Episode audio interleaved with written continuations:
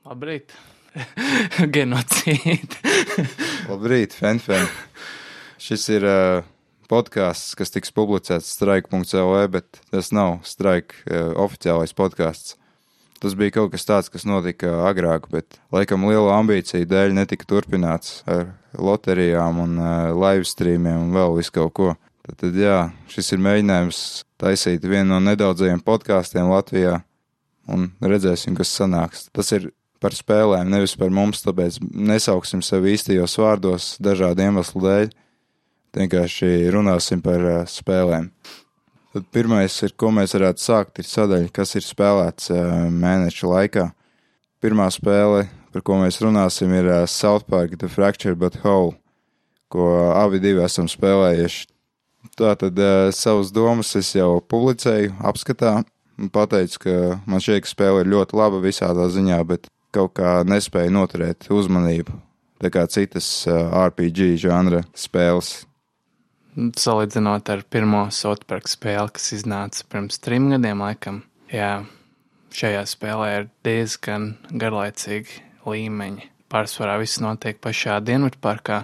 Pirmajā spēlē bija tā kā man viss, kā laikam visvairāk smadzenēs ir iededzis tas skats, kur es iekļūstu savos vecākos, kamēr viņiem e, notiek seksa akts Jā, un tas bija, manuprāt, diezgan atjautīgi, ja ne mazliet nepienācīgi. Bet nu, tas jau ir Dienvidparks, tas jau ir diezgan pieņemami.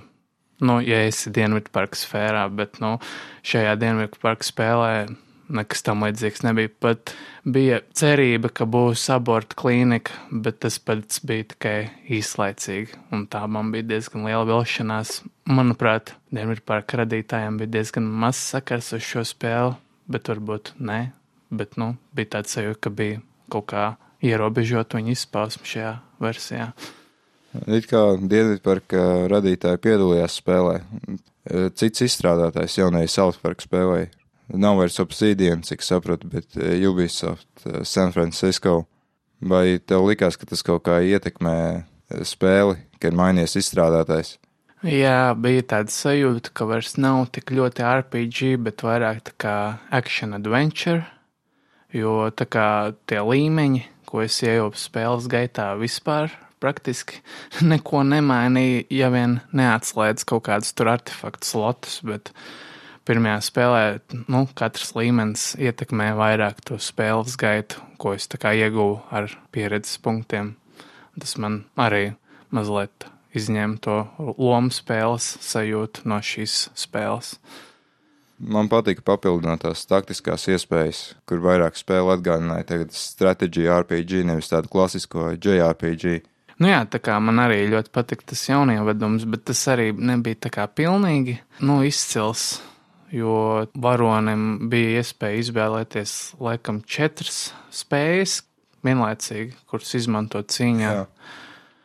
Un šīm spējām ir ierobežots tas darbības lauks, un visbiežāk tās spējas, ko es tieši varēju atslēgt, ar kurām es varēju kā, uh, uzbrukt pretiniekiem, bija iespējams izmantot vai nu pa labi, vai nu pa kreisi, bet ne uz ziemeļiem un dienvidiem, kas man arī tā kā nepatika. Varbūt arī tiem NPC tēliem, nu, labi, tie nebija laikam NPC tēli, nu, South Park varoņi. Spējas bija daudz interesantākas, teiksim, man ļoti patika, kurš bija tas tulšets stena spējas. O, man tas nepārāk, jo godīgi sakot, viņam tā uzbrukuma arī bija tāda pa labi, pa kreisi galvenokārt. Jā, bet viņam bija forši tas, tas urbju uzbrukums, kurš varēja tā kā pa diagonālēm iet, un Jā. diezgan bieži man noderēja uzbruk, uzbrukot diviem pretiniekiem vienlaicīgi. Vispār tās spējas, kas iet eh, taisnā līnijā, ļoti noderīgas eh, daudziem tēliem. Kailam, viņam arī bija tāda veida spējas galvenokārt. Tu vispār eh, Captain Diabetes bija diezgan foršs, un vēl tālāk tā meitene Vendija laikam. Viņa ar jebkurā vietā laukā var trāpīt. Nebija situācija, kad nācās izlaist gājienu, tā kā ar pašu izveidoto tēlu. Bieži vien nebija prasmju, kas ļāva uzbrukt, kā jau teicu, ziemeļiem vai dienvidiem. Jā, man tieši tas pats bija, ka mans pašu varonis bija diezgan visbiežāk bezjēdzīgs, bet tāpat kā tu, es diezgan daudz izmantoju call girl, jeb Vendiju.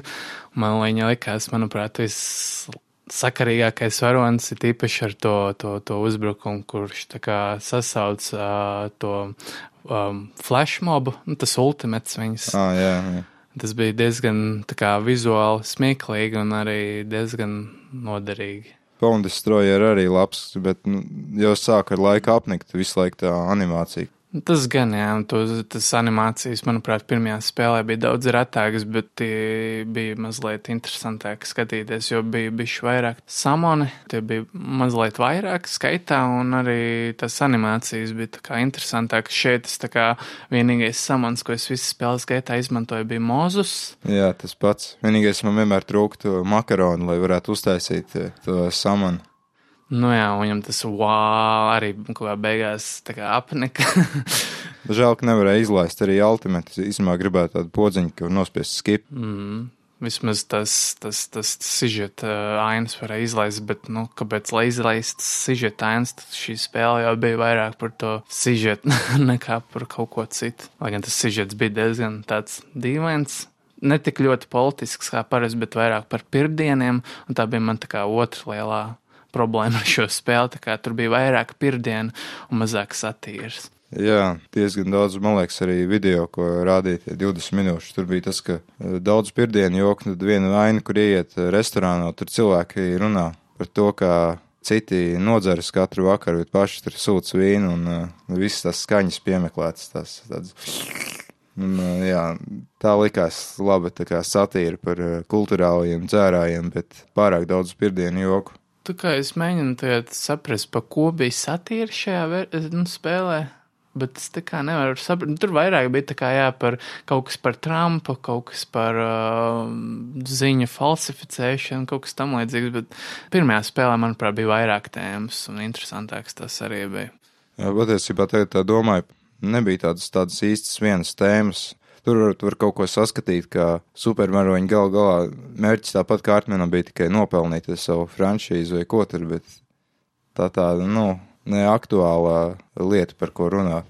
Kopumā es neteiktu, ka bija slikta spēle, lai gan nobeigums man liekas, tā kā pacelt uzacis, jo es reāli nesapratu, ko tas nobeigums nozīmē, jo viss vienkārši pasmējās vai nepaspējās par to, ka gan Kails, gan uh, Kārtmens viss čakarē ar savu burritos un takos roku un aizgāja katrs uz savu pusi un ar to spēle reāli beidzās. Pat neatceros, kas tur īsti notika. Vispār atmiņā nepalika. Liekas, viss tā spēle, kā jau teicu, ļoti labi. Viss ir kā uz papīra. Nu, kā jau ar daudzām Ubisoft spēlēm, viss ir kā uz papīra ļoti labi, daudz, bet kaut kā neaizrauja, neuzrunā. Nu jā, tas bija Southpark. Southpark es vērtētu, ja man iedod kaut kāds cipars vai skaitlis. Es dotu varbūt vairāk uz septiņu. Man šķiet, ka arī jā. Jā, un tas arī mēs laikam sasaucamies diezgan spēcīgi ar metakritiķi, kur ir kaut kas aptuveni tāds pats. Tur laikam bija 80. Nu, vispār es tā paskatījos, ko citi domāja, palasīju pēc tam par South Park, un mans apskats bija viens no kritiskākajiem, šķiet. Citi cilvēki daudz vairāk izbaudīja. Tāds iespējas radās. Nu, GameSpots jaunajam uh, Call of Dutyam iedeva cik? 8 vai 9? Nav ne jausmas, bet es redzēju, Eurogamer viņi parasti ļoti nedāļās savus labos novērtējumus, un tur bija, laikam, recommended.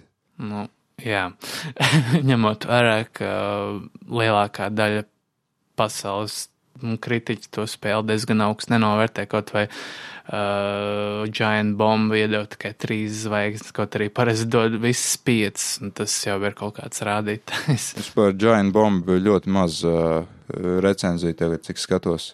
Bet uh, runājot par uh, citām labākām otrās pasaules kara uh, spēlēm, varbūt varētu parunāt par Wolfenstein 2.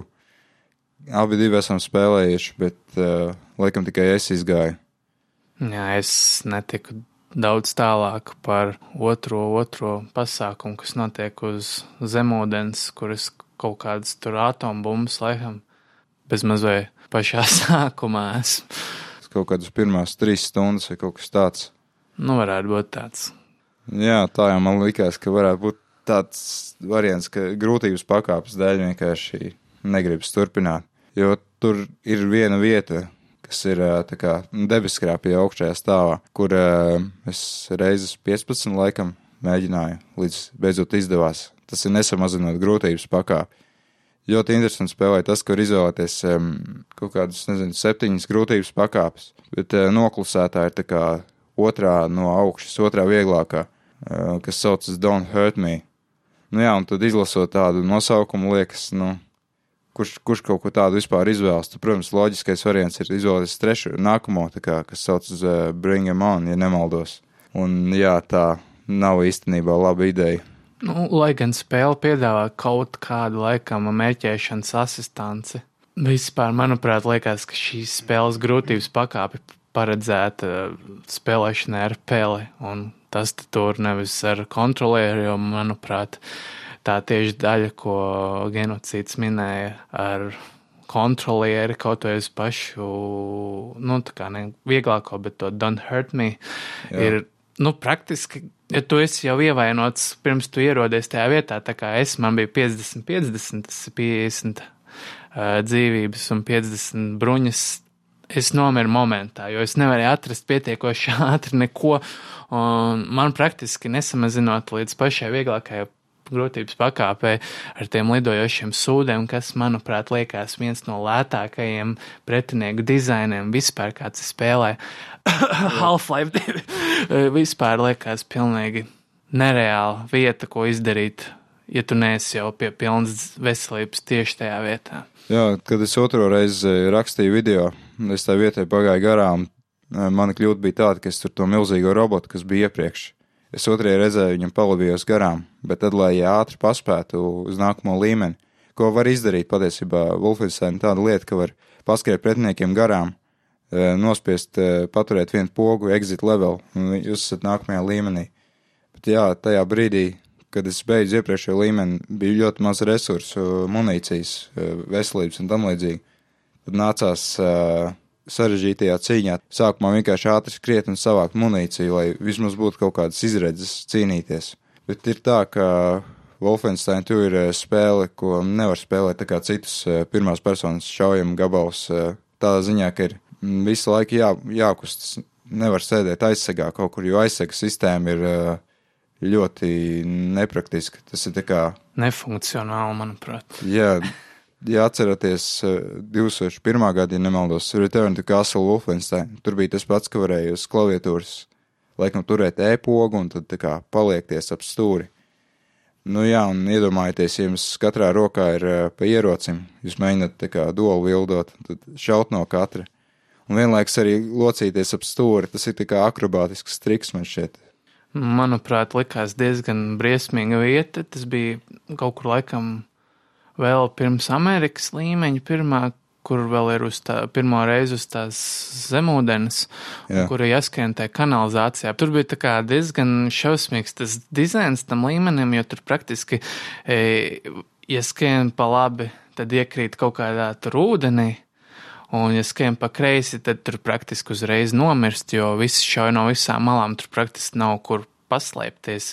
Un šajā vietā es vienkārši skrēju līdz pašam galam, ignorēt visus, bet pašā galā bija tas komandieris. Un viņam tā kā izkrita tā en enigma kārta, bija, yeah. kas ir vajadzīga, lai to perku atslēgtu. Viņam tā kā izkrita, bet tas perks tā kā nokrita pie izejas, nu tā kā prompta. Un tā kā, lai no, izkļūtu no izejas e, un savākt to karti, praktiski nebija iespējams, un kamēr es to karti vācu, man vienkārši miljons cilvēku nošāva, un, un es to līmeni, lai arī pašā sākumā mēģināju vismaz desmit reizes, un katru reizi garš loadings pat uz PS4 Pro. Tas ir. Jā, ir tāda problēma. Tas ielādes ir garas, un ja vēl jūs daudz mirstat, vispār murgs. Tas, ko tu pateici, ir problēma ar, tiem, ar to, ka ir manuāli jāvāc daudzas lietas, jā, jāspiežot podziņu, bet tas tā kā lokus, kurā var vispār paņemt kaut ko, ir ļoti šaurs, tāpat ar veselību. Tad, lai savāktu kaut ko, ir ļoti precīzi jānotēmē uz to vietu, kur priekšmets atrodas. Un, ja ir cīņas diezgan spraigi, ir problemātiski veselību savākt. Ja spēlē uz kontroleri, jānoņem nost labais īkšķis no labās sviras un jā, jānoliek īkšķis uz podziņas, ko spaidīt. Jā, man arī bija daudz problēmas, ka neskapēc automātiski tiek savākts tikai bruņas, bet ne veselība un ne patronas. Patrons, patrons it kā savāc automātiski, bet veselība pilnīgi noteikti nesavāc, kas ir stulbi. Un jā. nesaprotam. Jā, ja, kad veselība ir zem 50, vajadzētu vismaz automātiski ātri paņemt kaut ko, bet tas nenotiek. Ir tīpaši ņemot vērā, ka viens šāviens var bezmaz vai visas bruņas iznīcināt, tā grūtības pakāpes konsekvence ir pilnīgi neeksistējoša. Pat salīdzinot ar iepriekšējo spēli, kur pat uz grūtāko pakāpi varēja pilnīgi mierīgi spēli iziet. Jā, neatceros, ka mums bijušas problēmas, uh, New Order kaut kādas. Bet jā, ir problēma ar to, ka ļoti viegli nomirt arī tas, ka spēli tā labi nepasaka, kurā brīdī jums ir maz veselības palicis it kā pie desmit uh, iedegās ekrāns sarkans, bet tad, tad jau sen ir par vēlu. Un neparāda, no kuras puses normāli šauj. Jā, tas ir par vēlu. Un arī man arī kaitina tas, ka nav saprotams, kas šauj, jo visiem pretiniekiem ir autojums, un viņi var to trāpīt pat pa mazāko caurumu tavā coverā. Un tas, manuprāt, ir diezgan negodīgi. Manuprāt, pretiniekiem vajadzētu mazliet lēnāk reaģēt, tīpaši ņemot vērā to, ka tie ir kodēti visi pretinieki, nevis dzīvi cilvēki. Jā, bet man šķiet, ka ir vērts mēģināt tik garām tai visai grūtībai kaut kā apiet to, jo stāsts e, tas ir kaut kas īpašs. Tik tālu, cik tu tik, tur vēl nekas interesants, tā teikt, nenotiek, bet pēc tam tur ir tādi zili brīnumi, ka vienkārši, kā jau es apskatā teicu, izbojāt būtu tā kā pastrādāt kara noziegumu, kaut kas uz to pusi. Nu, cerams, ka tur nav pārāk daudz amerikāņu patriotismu, lai gan šo spēli ir izstrādājuši zviedri, kas būtu ļoti netipiski uh, zviedriem, lai gan varbūt arī ne. Jā, nu man liekas, ka varēja tikpat labi to spēli izstrādāt amerikāņi, nebūtu starpības zviedri amerikāņi, jo spēle ieņem tādu skatījumu uz eh, vēsturi, kas ir oficiālais. Spēle ļoti daudz ņirgājas par visu kaut ko, bet izstrādātāji nekad neaiziet politiski nekorektumā, tā teikt. Nekāpja uz uh, tiem īkšķiem uh, virsū, kas eh, tā kā brēc viskaļāk. Es nezinu, kā lai to pasaka tā. Nu, tā kā Sautparkā mm, saka, BPC, bro! Jā. Man patīk, ka Sautparkā tas microaggressions, tas bija interesanti. Jā, manuprāt, tā arī bija viena no interesantākajām daļām. Tas tāds diezgan sasaucās ar to, kas pašlaik notiek Sautparkā, nu tā kā seriālā. Tas tieši man īstenībā visvairāk patika par eh, Southpark seriālu kā tādu, ka viņi aiziet tur, eh, viņi skar to politikorektumu. Bet jā, atšķirībā no eh, Wolfensteina Southpark vismaz atļaujas pasmieties par lietām, kurām parasti cilvēki saka, ka nedrīkst par tabū lietām. Pat par aborta bēbiem. Jā. nu, tālāk ir Gran Turismo sporta, kuru es fen-fen neesmu vispār spēlējis, bet esmu redzējis uh, tā kā, ko ir teicis genocīds un arī ko ir teikuši citi. Nu, laikam vārds tev vairāk šajā saistībā. Kas man vienmēr paticis Gran Turismo, ka var paņemt praktiski jebkuru mašīnu, ko vien iedomājas, vienalga tur Alfa Romeo 156 vai tur kaut kādu vecu Volkswagen vai Lexus, vienalga ko. Tas viss kaut vai eh, ne prēmijuma formātā, bet tas viss ir spēlē var izvēlēties, ko vien grib, paņemt to mašīnu, uzķīlēt, braukt. Bet Gran Turismo sporta ir ļoti ierobežots auto klāsts. Kaut gan uz papīra neizklausās slikti, kaut kādas 170 vai cik. Liela daļa no automašīnām ir vienkārši tā kā video redzējāt, eh, modifikācijas tam pašam bāzes modelim, kam ir vienkārši svars izņemts ārā, liekais, uzlikt eh, sekvenciālu ātrumkārdu un uzlabot aerodinamiku. Teikšu tā, ka vispār man tā spēle mazliet pietrūks, es pārdevu, jā, es zaudēju kaut kādus 25% vērtības, kas ir salīdzinoši labi vēl eh, pārdodot spēli tālāk. Bet jā, mazliet pietrūkst, tomēr gribas vēl šeit uzspēlēt. Es domāju, ka nākotnē varētu spēli varbūt atkal iegādāties, ka to varēs dabūt par 10 eiro. Man bija tāpat sajūta ar Project Cars 2 jo tā kā nav iespēja braukt ar veciem ložņiem, un man patīk braukt ar veciem ložņiem, veciem bēmļiem, veciem Audi, kaut vai veciem Volvo, kas bija pat Need for Speed.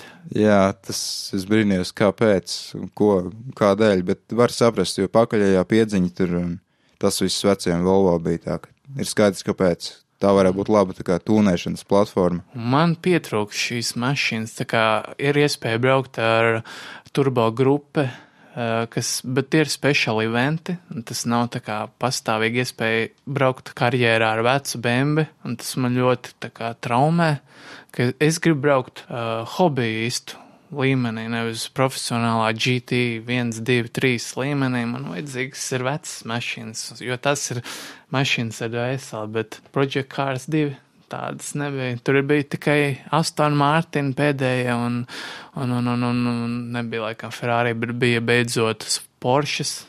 Mm -hmm. Kaut arī iepriekš bija tikai rufi, bet tāpat nebija veci ložņi. Un, laikam, arī Gran Turismo ir tikai jaunākās mašīnas, kādas normāli cilvēki vispār nevaz, ne, ne tikai nevar atļauties, bet pat dzīvē visdrīzākais arī neredzēs nekad. Nu jā, nu, tur ir labi, tur ir klasiskie MX5, BRZ, kaut kas tāds, ko vēl var kaut cik atļauties, ja paņem eh, kredītā uz pieciem gadiem, pēc tam maksā mēnesī tur, nezinu, 500 vai cik, kas arī nav īsti prātīgs lēmums, man šķiet.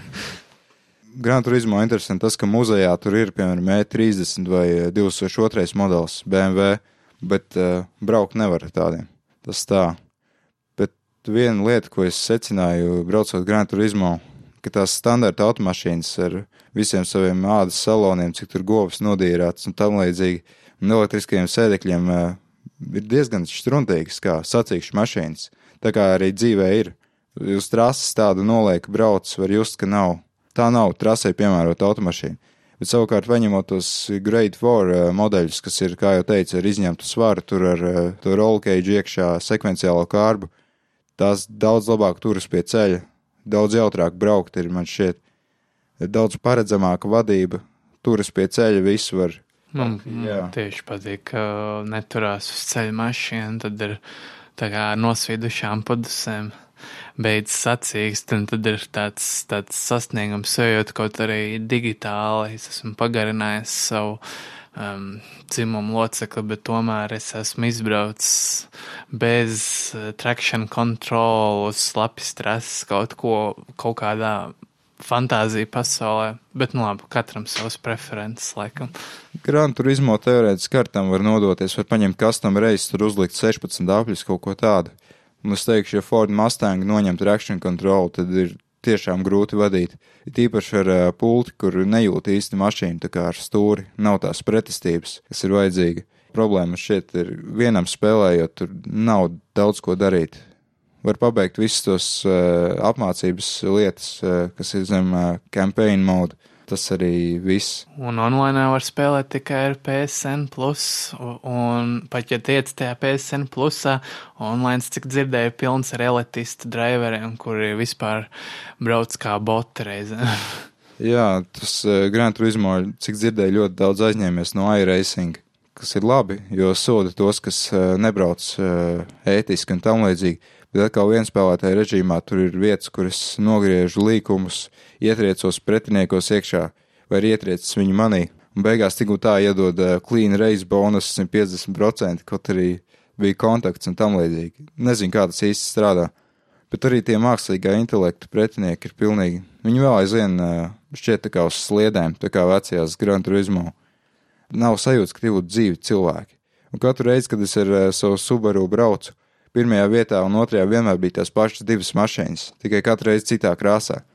Tas bija braucot uh, vienas klases sacīkstēs. Kā angļu valodā bija tas, nu, tas termins, ka tās mašīnas tā kā pielipuši tev pie muguras visu sacīksti. Jā, reizēm tāds iespējas rodas.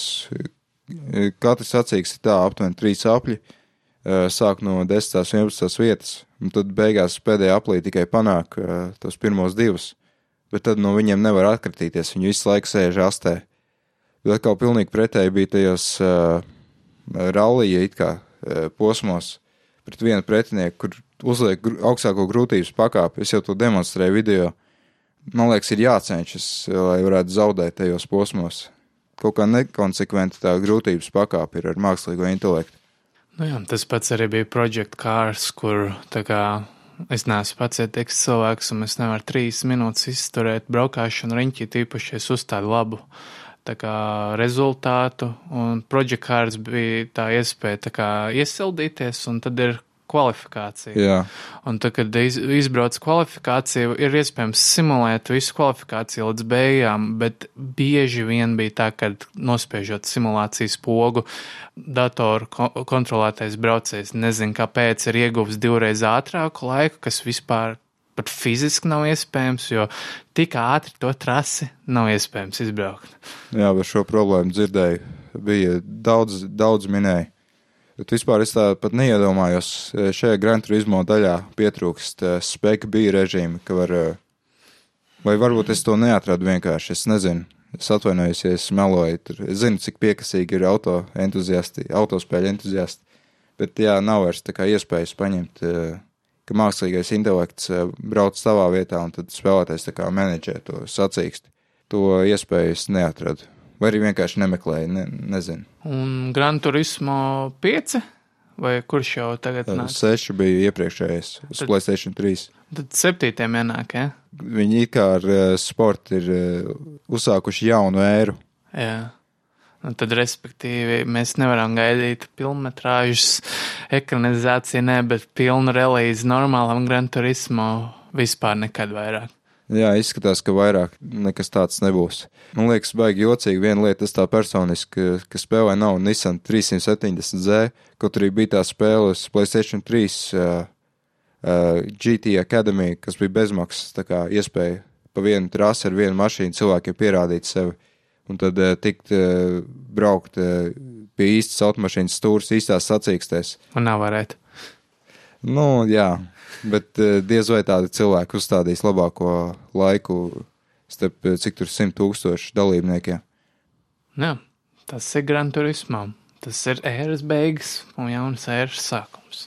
Bet kā tev liekas, vai uh, Persona 5 ir jauns ēras sākums? Jā, persona 5 tas ir man arī personīgs un īpašs piedzīvojums un pieredze un vispār. Tas ir kaut kas, ko vispār grūti aprakstīt. Nu, godīgi sakot, bet rakstot to aprakstu, man bija grūti atrast vārdus. Tā kā man patīk parasti izspēlēt spēlēm, atļautai nogrimt savām zemapziņā vismaz nedēļu pirms kaut kādus secinājumus izdarīt, bet, bet pēc nedēļas man bija grūti kā konstruēt savus domas par šo spēli, jo tur bija maz kur piesieties. Varbūt pie vainas ir tas, ka gameplays ir aptuveni 100 stundas garumā, un varbūt vienkārši visas tās negatīvās lietas aizmirsu. Bet man bija kur, jāpadomā, kur piesieties par šai spēlē, jo pirmkārt es neko tam līdzīgu nekad nebiju iepriekš spēlējis, lai gan esmu spēlējis visas iepriekšējās personas spēles un arī daudz šim Megami Tensei citas frančīzes spēles. Laikam genocīds atcerēsies Devil Survivor, ko mēs abi esam spēlējuši. uz- O jā, tas bija kaut kas īpašs. Un, Bet es to spēli izgāju tikai ar čītiem. Mēs spēlējām pirātisko versiju, tur varēja čīta engine lietot. Jā, un tas ir tā kā, tas ir tāds, tā ir īpatnēja spēle, bet arī īpaša spēle, jo tas ir kā Pokemoni, bet daudz labāk. Daudz, daudz labāk, jo Pokemoniem nav satura. Šeit ir saturs, tā kā stāsts par vidusskolas vecumu jauniešiem, otrā kursa studentiem. Es gan nezinu, vai precīzi būtu teikt 11. klases skolāniem. Nu jā, dažādi standarti pasaulē. Es zinu, kā viņiem tur Japānā ir, cik klases jāaiziet. Nu, cik es pēc spēles sapratu, ir vidusskolā ir trīs klases, nu tad sanāk 11. klase, bet, nu, ne, neiešu apgalvot, jo tur ir ļoti dīvains mācību gads, kas kaut kā iet pusotru gadu, un, un, un tas man mazliet nomulsināja, pamulsināja. Es nezinu, kā latviešu pareizi. Bet jautājums ir eh, tāds, es esmu iesācis, eh, man pat ir uz PSP kā kaut kāda limited versija ar plakātu un eh, pastkartēm un vēl kaut ko, Persona 3 Portable. Un man bija tāda problēma, ka es vienkārši, es laikam divas reizes to spēli mēģināju dažādos laika periodos un apstājos pie vienas vietas, kur vienkārši nenormāli grūts boss ir. Jo problēma bija tāda, ka es negrindoju iepriekš. Kā ir jaunajā, cik nu jaunajā Persona 5, kā ir ar grindošanu tādām lietām? Nu, vai nu spēlē mana pieredze ar iepriekšējām spēlēm, un es jau katru, pirms katra bossa sajūtu tā, nu, tuvošanos jau tā kā nu, nepamanot sev, sagraindoju savus experience points un persona līmeņus, vai arī tiešām šajā spēlē grindošana nebija tas, tas svarīgākais aspekts, jo visiem bosiem izņemot vienu, es tiku cauri varbūt ar divām vai trim reizēm maksimums. Bet viens boss bija tāds, ka es gandrīz jau pazaudēju savu sūdu, tā teikt. Bet beigās, nu, tā kā palasot taktikas, man izdevās viņu iznīcināt. Nu, respektīvi, šī spēle man likās vienkāršāka kaut vai par Persona 4, kas jau bija vienkārša pēc standartiem vispār. Bet šī bija, nu, vairāk uzsvars bija tomēr uz to progresīvu stāstu, ne tik ļoti tā kā uz cīņu, jo atlus spēlēs, man liekas, kopumā cīņa ir tas otršķirīgais. Vairāk ir tas explorings, vairāk ir tas process, tā kaut vai Etriena Odisē, man liekas, tieši tas pats ir. O jā, tas man ceturtā daļa ļoti patika, kaut arī, arī tāpat kā, ko minējām, šī Megami Tensei, tas uh, Devil's Survivor, arī nenormāli grūta spēle, bet tur bija interesanti tas, vispār Etriena Odisē, tur tāda īsti stāsta nav nu, kaut ko viņi mēģināja pielikt, klāt ar tajos rīmēkos un tam līdzīgi. Bet tajā spēlē ir tas, ka pats spēlētājs veido stāstu. Tā kā laboties pa visām tām pasaulēm, sitot briesmoņus, bet, nu, persona, protams, pavisam citādāk. Nu, persona ir vizuālā novela pašā savā būtībā. Tā kā tā cīņa ir mazliet otrajā plānā, bet tas īpaši netraucē, jo stāsts ir labs pirmās 20 stundas man tā kā jau, nu, uz beigām jau tā kā tuvojoties 20. stundai jau tā kā sāku jau mazliet teikt besīties, jo varoņa likās naivi un dumji, bet tad bija tāds mazliet tā kā tvistiņš, viss tā kā kļūst daudz drūmāk un nopietnāk, kaut arī arī nelīdz galam nu, tas ir tomēr Japāņu spēle. Ja es pareizi atceros Metal Gear Solid 5. Sašaujot pretiniekus, viņi nokrīt ļoti komiskā veidā uz zemes, un tas jau parāda to, ņemot vērā, ka Metal Gear Solid 5 ir domāta kā nopietna spēle. Mm. Viņa tā kā uz banāna paslīduma nokrīt tā bum bum, un tas liekas smieklīgi. Pat arī pamanot zem kastes spēlētāju. Un, un tā kā vienmēr ir tas komiskais elements tajās spēlēs. Tas ir, tas ir ļoti izteikts Japāņu kultūrai, laikam, ka viņi nespēja neko līdz galam nopietni uztvert. Nu, tas arī persona atsaucās, jo tā kā vienu brīdi mēs runājam pa izvarošanām, tā kā.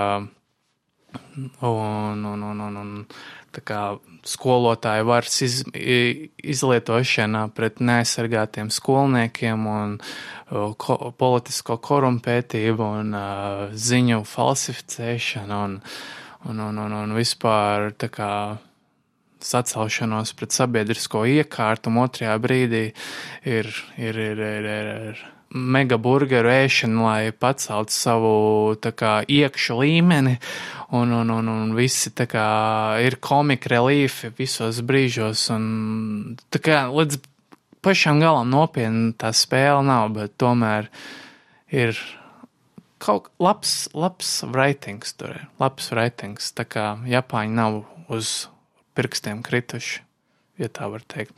Nu, tāpēc es biju tā īsi atgriežoties pie Wolfensteina divi pārsteigts, ka Zviedrijas kaut ko līdzīgu ir izdarījuši. Kā arī ir kāda nopietna spēle, bet beigās aiziet. Bet tas tur ir citādāk, atkal tas jums pašiem jāredz. Tur es nezinu, tur nav tā, nav īsti tā balanss, tā kā Japāņu spēlēs. Tur vienkārši aiziet sviestā viss. Un runājot par uh, lietām, kas vēl aiziet sviestā, spēlēju The Evil Within 2 kas ir par uh, to pašu varoni, kas bija pirmajā spēlē, uh, ļoti tajā trūkumiem pilnajā spēlē, uh, kas iznāca 2014. gadā, laikam, The Evil Within.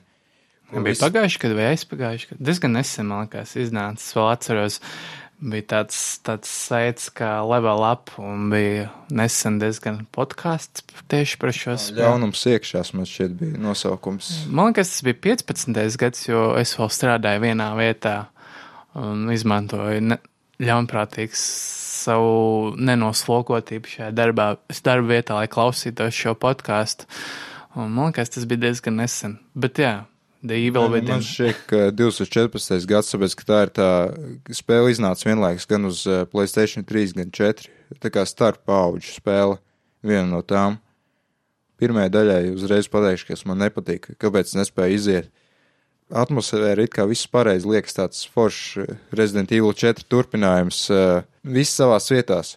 Bet tad, kad spēlē, tad tur ir tik daudz uh, tā, ko angliski sauc par jank, tā kā daudz visu kaut kādu problēmu, defektu un tam līdzīgi, ka spēle vienkārši nebaudām. Es dzirdēju, ka tur pat aspektu reizes jau sākotnēji vispār nebija iespējams nomainīt. Jā, bija biezas melnas līnijas ekrāna augšā un apakšā.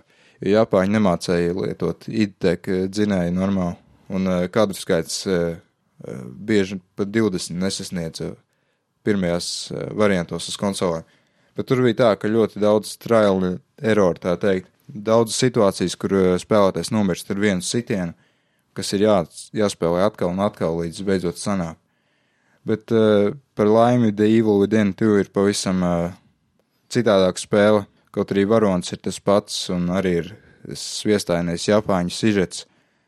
Bet šeit ir tā, ka īsumā galvenais varonis ir pavadījis daudz laika pie pudeles, pie kausa, un katrā ziņā viņš nodzēris savu veselo saprātu, jo viņam traģēdija ģimenē un tam līdzīgi. Kā Maks Pēns trešajā daļā. Nu jā, bet Maksam Pēnam laikam nerādījās tur vis kaut kādas, kā laikam eh, teica Funface TV savos video, vēmekļu vecenis vai kaut kas tāds. Tur. Ik pa laikam eh, varonim kaut kas aiziet ciet, viņam nav kārtībā viss bēniņos, un tad uh, ir jāslēpjas no tādas tipiskās horora žanra pretinieces, kas nosita ar vienu sitienu, bet kurai neko nevar izdarīt. Un tie tikai tas parādās ik pa laikam. Bet būtībā Evil Within ir uh, action adventure žanra spēle. Nav horors, kā to daudz grib man pasniegt. Jā, nu tur ir horora elementi, teiksim tā. Bet šoreiz ir uh, papildināts viss tas, kas bija iepriekš no kombata uh, viedokļa. Ir tā kā mazpilsēta, kas ir atvērta, kur var izpētīt, uh, atrast pāris blakus uzdevumus, tādas lietas, vākt lūtu, uzlabojumus. Katrā ziņā spēle ir daudz atvērtāka, nav vairs tik lineāri, ja tā drīkst teikt.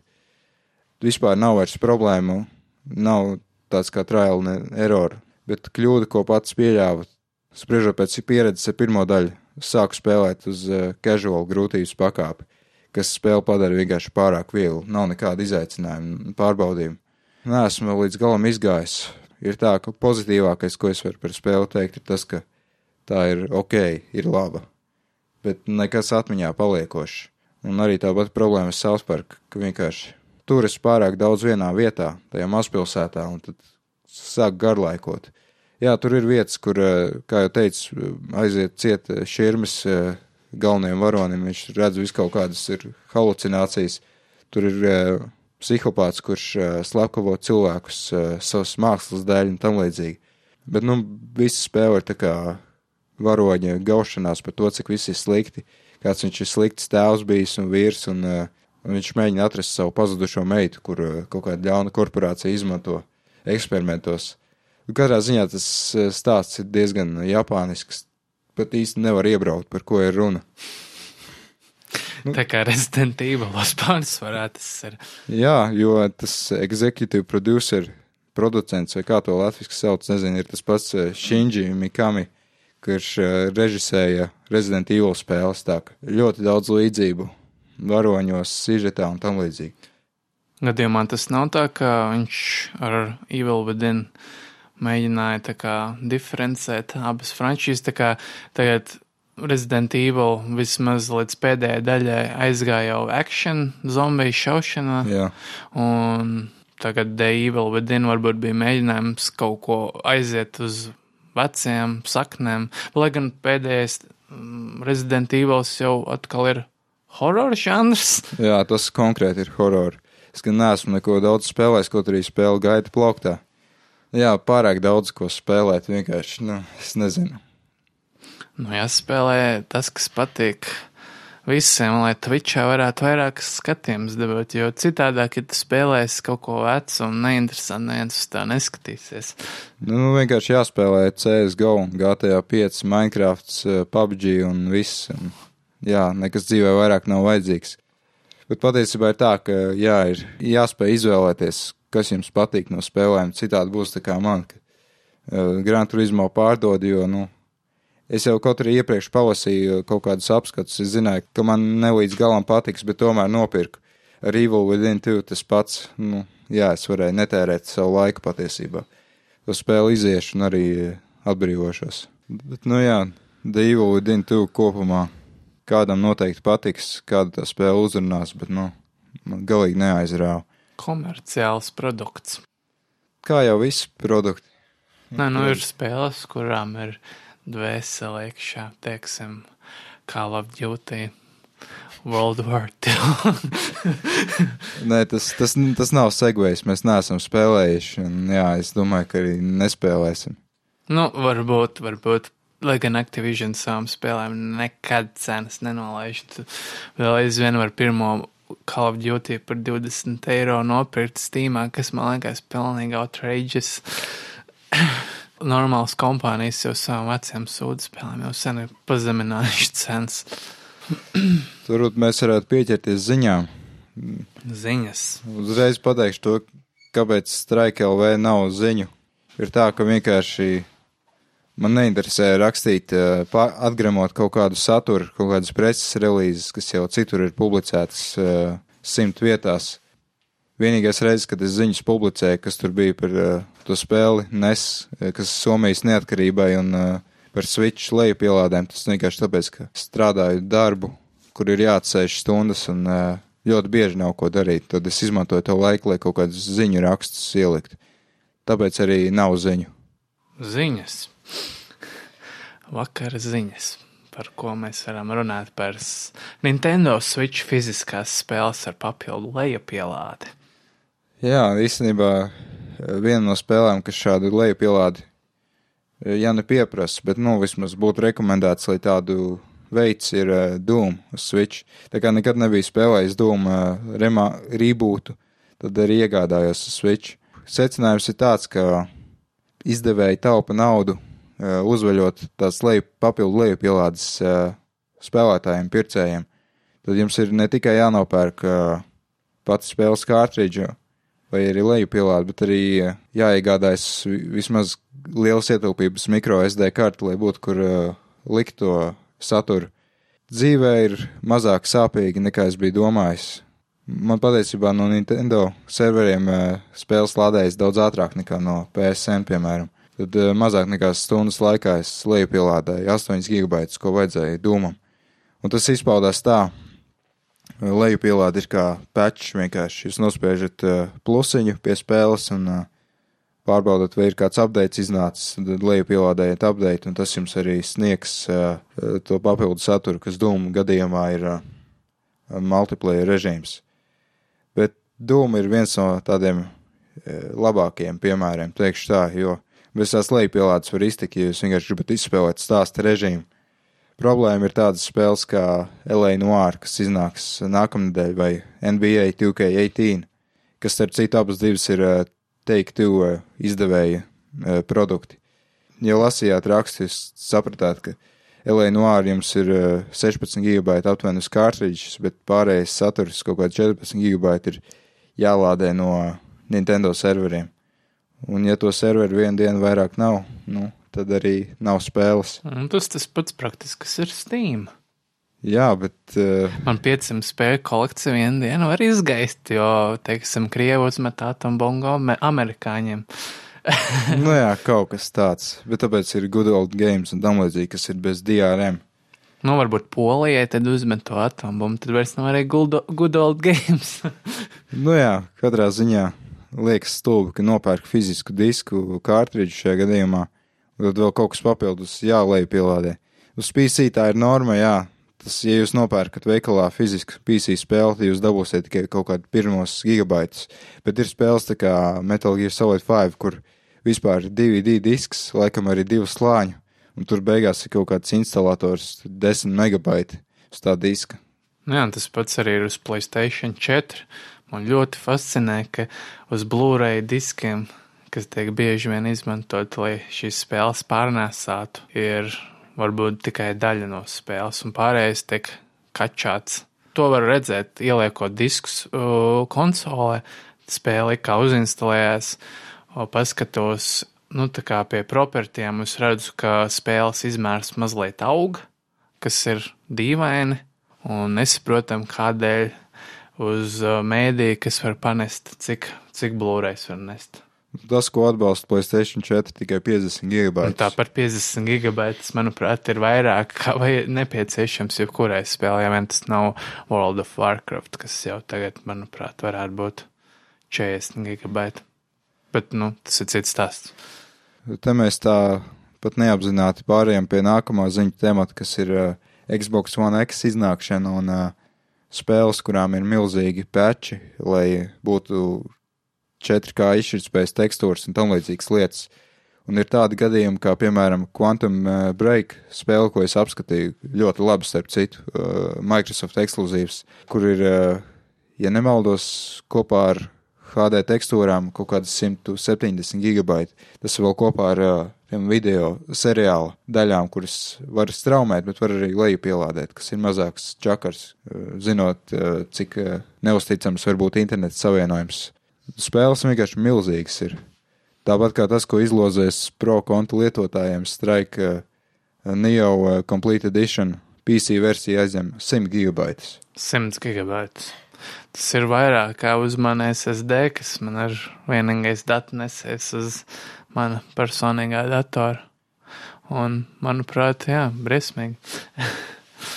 jā, nu, kaut arī dzīvojam it kā civilizētā Eiropas valstī un tam līdzīgi mums skaitās starp labākajiem internetu savienojumiem pasaulē. Un pieredze ar Latviju ir tāda, ka vienu dienu internets var vienkārši nebūt. Nu, tas laikam ir tas, kur tu dzīvo, jo man mazliet pāris kvartāls uz citu pusi Latvijas pa pēdējiem sešiem gadiem, manuprāt, vienu reizi pazudis. Tas tāpat bija iepriekš jau paziņots kaut kāds profilaks ietvaros. Nu, un runājot par citiem internetu nu, nodrošinātājiem, es nerunāšu par kādiem privātiem maziem krāmiem, kuru piedāvājumi tiek uzlīmēti kāpņu telpā uz paskastīts, bet vairāk par kādiem mobilo sakaru nodrošinātājiem bite. Man ir bites 4G routers, kurš varbūt 10% gadiem funkcionē 4K režīmā, jo, manuprāt, bite vēl aizvien nav pilnībā nostrādājis savu so 4G tīklu, un mēs jau pārējām uz 5G, vismaz tāds ir plāns. Kāpēc iepāriet uz 5G, ja vēl 4G pat pilnībā nefunkcionē visur?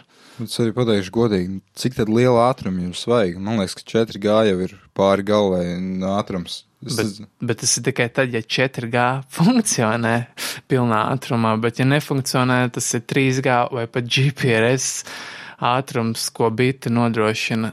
LMT man nav problēmas, bet ar biti man ir liels problēmas, un rēķini man no bites nāk divreiz lielāki. Es domāju, ka ar 5G problēmas būs tikai lielākas, jo 5G, cik saprotu, darbojas 5,2, 5,8 GHz frekvencē nu, tajā mikroviļņu spektrā, tad, jo vilnis ir, eh, jo frekvence ir augstāka, jo vilnis ir īsāks. Līdz ar to tos 5G stacijas vajadzēs izvietot uh, vēl vairāk nekā 4G, tos raidītājs torņus, kas prasa vēl vairāks, vēl lielāks ieguldījums, kas nozīmē, ka situācija pilnīgi noteikti būs vēl sliktāka nekā 4G. Ja telefons ar 3000 mAh bateriju 4G režīmā izlādējas tik ātri, kā, cik ātri izlādēsies 5G režīmā lielākas baterijas. Es šaubos, ka mēs drīz pāriesim jau uz 10,000 mAh baterijām mūsu mobilajos telefonos, jo tas ir pārāk karsti. Pārāk karsti. Jā, tas ir, tas ir mūsu internets. Pieturieties pie DSL. Jā, pie iezvanu pieejas. Tad eh, runājot vēl par eh, tehniskām lietām, ir ziņas, ka Intel sadarbosies ar AMD, bet uh, tas varētu izklausīties ļoti interesanti vai revolucionāri vai kā. Bet Un pat dīvaini.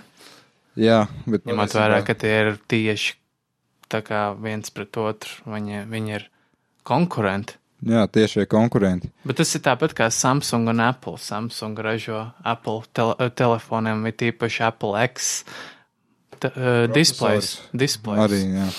Bet tas, uh, pirms jūs ļoti sapriecājaties, tad uh, jaunums skars tikai tos, kas uh, spēlē uz portatīviem datoriem, jo Intel savos uh, dārgākajos uh, portatīvo procesoros iekļaus AMD uh, grafisko adapteri ar HBM2 atmiņu un tam līdzīgi, kam vajadzētu jau kaut cik konkurēt ar Nvidia. Jo problēma šobrīd ir tāda, ka Nvidia ir. Nvidia praktiski nav konkurenti. Tā GTX 1050 vai 1080 karte, ko jūs saņemat tagad portatīvajos datoros, ir varbūt sliktākajā gadījumā 10% lēnāk nekā tā, kas ir uh, stacionāriem datoriem paredzēta. Un tas arī pamatot, cik es esmu izmantojis AMD GPU un Nvidia GPU. Nu, varbūt pats hardware ir labs, bet uh, tā kā software pilnīgi nelietojams uz AMD. Man bija ļoti liels problēmas ar, ar, ar, ar, ar HD 7870. Jā, man ar šo kārtu bija liels mm. problēmas. Un tad es pārgāju uz GTX 970, un praktiski neviena no šīm problēmām neeksistē. Tāpēc varbūt ir vērts investēt vēl vienu simtu pa virsmu, lai nopirktu labāku Nvidia kartu. Bet atgriežoties pie Intel plus AMD, kas man liekas ļoti dīvaini, jo Intel taisa ļoti labs processors un AMD taisa netik labs processors. Nu, kā pierāda konsoles, piemēram, kas visas lieto AMD būtībā laptopu processors ar astoņiem kodoliem. Un kas, kas no tā sanāks? Vai nu sanāks labs produkts, vai nu Intel un AMD šķirsies ar lielu blākšķi, jo, e, manuprāt, AMD tā kā viņu filozofija ražot lētus un pieejams produktus, kas nav varbūt tik uzticami kā Intel un Nvidia produkti. Varbūt, manuprāt, šajā tieši vietā varētu Intel un AMD būt domstarpības, bet nu, to laiks laikam rādīs. Bet ir labi, ka ir uh, vismaz kaut kāda konkurence Nvidia, jo citādāk viņi stagnēs.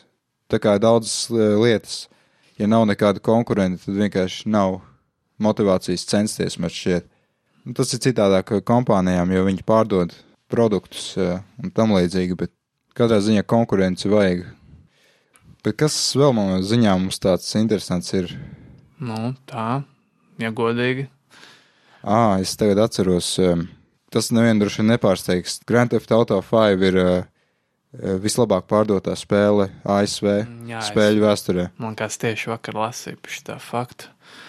Nu, tas nav pārsteidzoši skatoties, cik daudz Twitch streamu ir tieši par šo spēli. Un ne, nepelnīt. Šī spēle ir laba gan single player, gan arī online. Lai gan online, cik esmu dzirdējis, ir bijušas kaut kādas domstarpības starp mo moderatoru, moderatoriem un spēlētāju komunu, jo bieži vien tiek atņemta nauda spēlētājiem nopelnītā, domājot, kā, ka tā nauda ir tā ar čītiem nopelnīta, tāpēc tagad, man liekas, tieši ir noticis pirms kāda mēneša atpakaļ Steam vērtējums diezgan nokrita uh, tieši GTA 5 šī iemesla dēļ. Vai tas ir taisnība vai nē? Es nezinu. Es esmu spēlējis GTA online tikai pirmajās trīs dienās, kad iznāca PC versija oficiāli. Nu jā, tā, ka man grūti teikt, bet toreiz viss bija ļoti civilizēts, atceros, nebija nekāda problēma. Jā, bet šīs spēles online versija, manuprāt, ļoti labi parāda cilvēku psihopātisko raksturu, jo bez iemesla tu tiec nošauts, lai gan šī, tas ir spēles, tajā mērķis nošaut cilvēks, bet tāpat kādēļ, lai tu iet un nogalinātu citu spēlētāju vispār bez iemesla.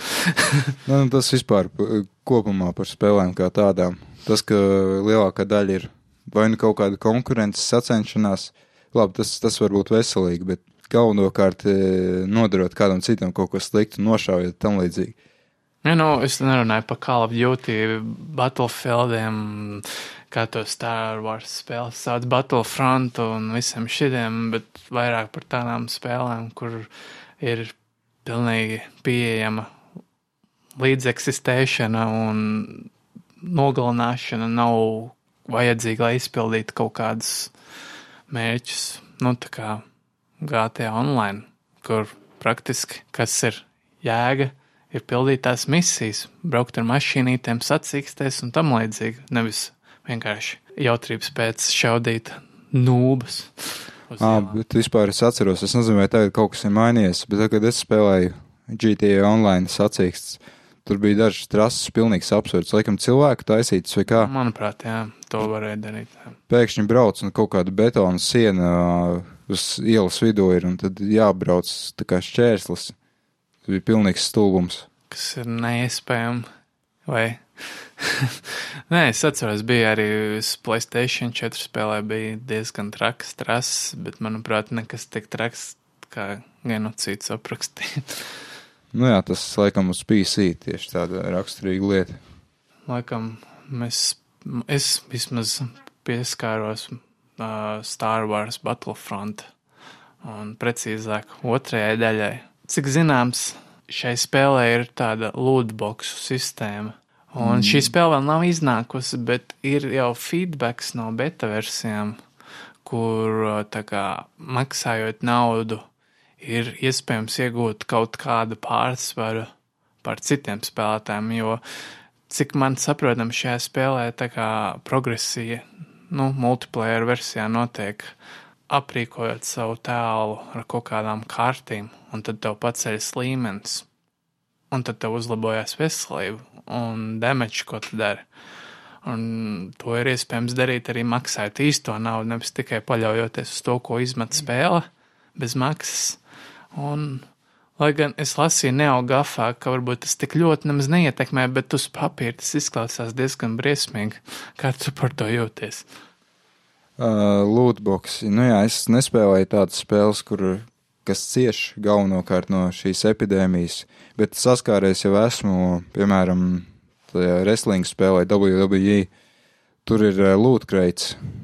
Lai gan uh, it kā, kad es spēlēju, iespējas par uh, reālu naudu nopirkt uh, valūtu nebija.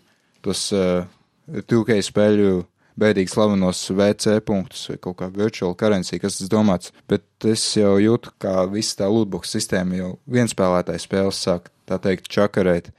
Jo MyPlayer režīmā, ko es parādīju arī video 20 minūšu, ir tā, ka vienā brīdī vienkārši nevar tālāk īsti progresēt, uzlabot rādītājus savam tēlam, jo gluži vienkārši spēle neapbalvo pietiekami daudz valūtas. Un tā kā teorētiski risinājums būtu pirkt tos lūtkreits, vērt vaļā, dabūt valūtu papildus un uzlabojums un tam līdzīgi.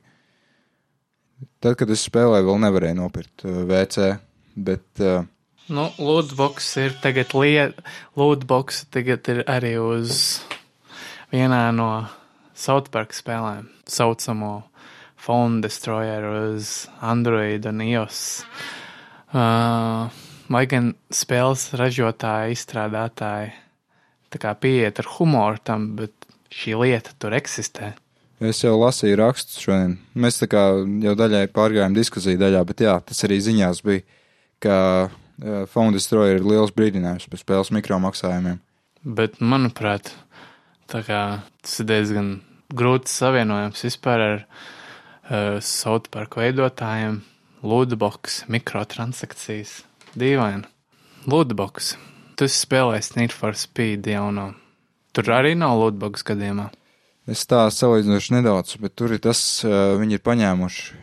Bet jā, tur ir tās uh, speed kartes, ja nemaldos, ja pareizi nosauc. Shortcut gadījumā nav tā kā Battlefieldā arī shortcut, tās shortcut, kā viņas pareizi definē. Kaut kāda boosteri, accelerate. Nu jā, tur uz, nu, pātrina līmeņu krāšanos. Uh, to, ar to es vēl neesmu saskāries, bet ir tā, ka tā upgrade sistēma, jūs pabeidzat sacīkst, jums dod speed kartes.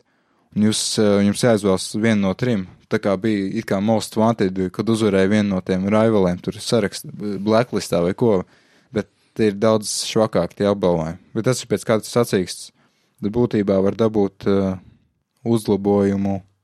Jūs nezināt kādu, bet tie uzlabojumi nav vairs tā kā detaļas, kā agrāk bija, bet tā kā kartiņas, kas dod uzlabojumu. Bet ir tā, ka spēlējot, jūs krājat arī kaut kādu spēles virtuālo valūtu.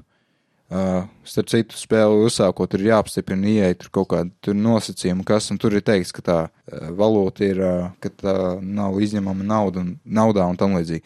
Bet jā, doma tāda, ka tur arī ir tā kā lūtkreiti, uh, ko nopelna tā kā tādas kartiņas nelielas. Un uh, tad ir tad basic, tā kā bāzes kaut kāds, uh, un tad premium. Es vēl neesmu to premium mēģinājis, bet šķiet, ka tas ir par uh, maksu, kā, kas ir jāpērk. Tā ka tur arī ir lootbox sistēma. Un ir bieži tā, ka naudas man īsti nav jauniem uzlabojumiem, jaunām kartiņām. Un spēlē ir uh, tā, ka iesaka kaut kādu rekomendēto līmeni katrai sacīkstē. Tāpat kā South Park, The Fractured But Whole ir ieteicamais līmenis. Un es pastāvīgi esmu zem, jo vienkārši Nav iespējams dabūt tās detaļas, laikam. Jā, tas pats, kas uh, wrestlingā. Nu, The. Crew bija, man liekas, līdzīgi, ka vajadzēja, bija ieteicamies tas uh, mašīnas līmenis, ar kur varēja piedalīties, nu, tā kā sacīkstes, un nu, bija iespējamība uzvarēt.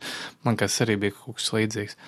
Nu jā, katrā ziņā, ko tie lootboxi dara, ir cilvēks, kas varbūt, kurus ir viegli izmantot, tā teikt, eh, tad viņos rada kārdinājumu iegādāties par reālu naudu maksāt, eh, lai dabūtu virtuālo valūtu. Kāpēc eh, šo var pielīdzināt azartspēlēm, kas tagad ir karsta diskusija? Tieši tas, ka tāpat kā azartspēles, lootbox izraisa cilvēkos to pašu reakciju, to azartu, gribas eh, to kloķi paraut, tā teikt, nopirkt valūtu. Nu jā, un tas čakarē spēles tagad. Kaut arī jūs spēlējat tikai vienspēlētāju režīmā, ja ir jūtama tā lootbox negatīvā ietekme uz spēles procesu. Bet reāli tagad mēs runājam par ieejas spēlēm tikai pārsvarā. Kurā ieejas spēlē nav bijis lootbox pēdējos gados, pat Dragon Age 3 bija lootbox. Multiplayer līmenim, protams, ne, tik, nu, ne single playerim. Lootbox ir Battlefieldam, lootbox ir Battlefrontam, lootbox ir Need for Speedam. Visam ir lootbox. Un kā, kur tur ir? Kā cilvēks samaksāja 60 eiro, un, ja pērk kaut kāds, teiksim, premium pass, season pass, kaut kas tam līdzīgs, vēl papildus 20, 30 eiro. Kāpēc? Spēļu izstrādātāji no mums slauc vēl naudu par jau nopirktu produktu. Nu jā, nu it kā viņa attaisnojums ir tāds, ka viņi tur, uh, ka spēles tagad ir dārgākas nekā jebkad agrāk, kas it kā ir patiesība, bet, nu, man liekas, ka spēles visas lieto daudz tos pašus dzinējus, tā ka tas nav no jauna, no nulles jābūvē.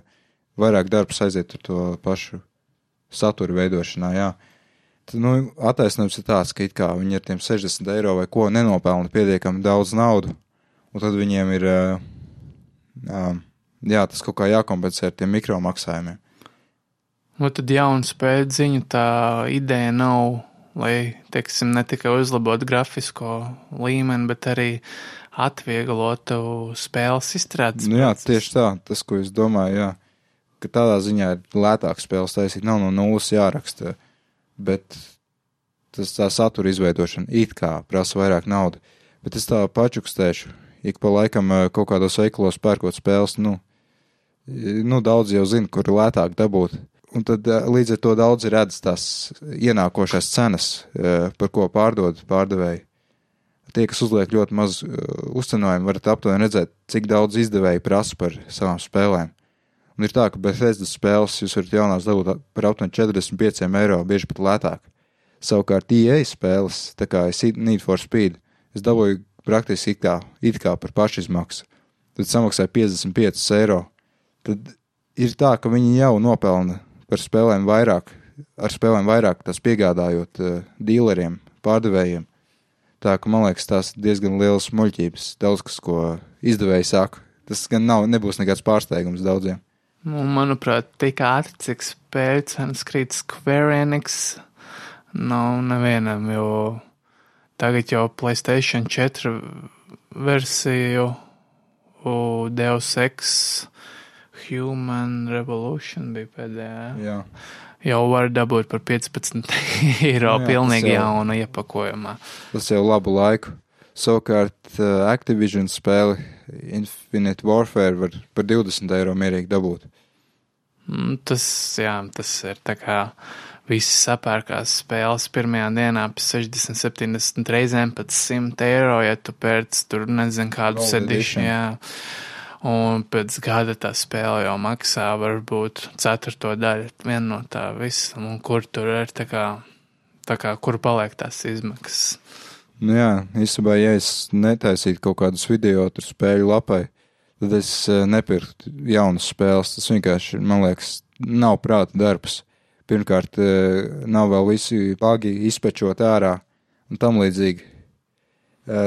Nu, ir reti gadījumi, kad ir tiešām labas spēles, kad viss strādā tā kā, kā vajag. Piemēram, Wolfenstein 2 nenožēloja to naudu, ko iztērēja.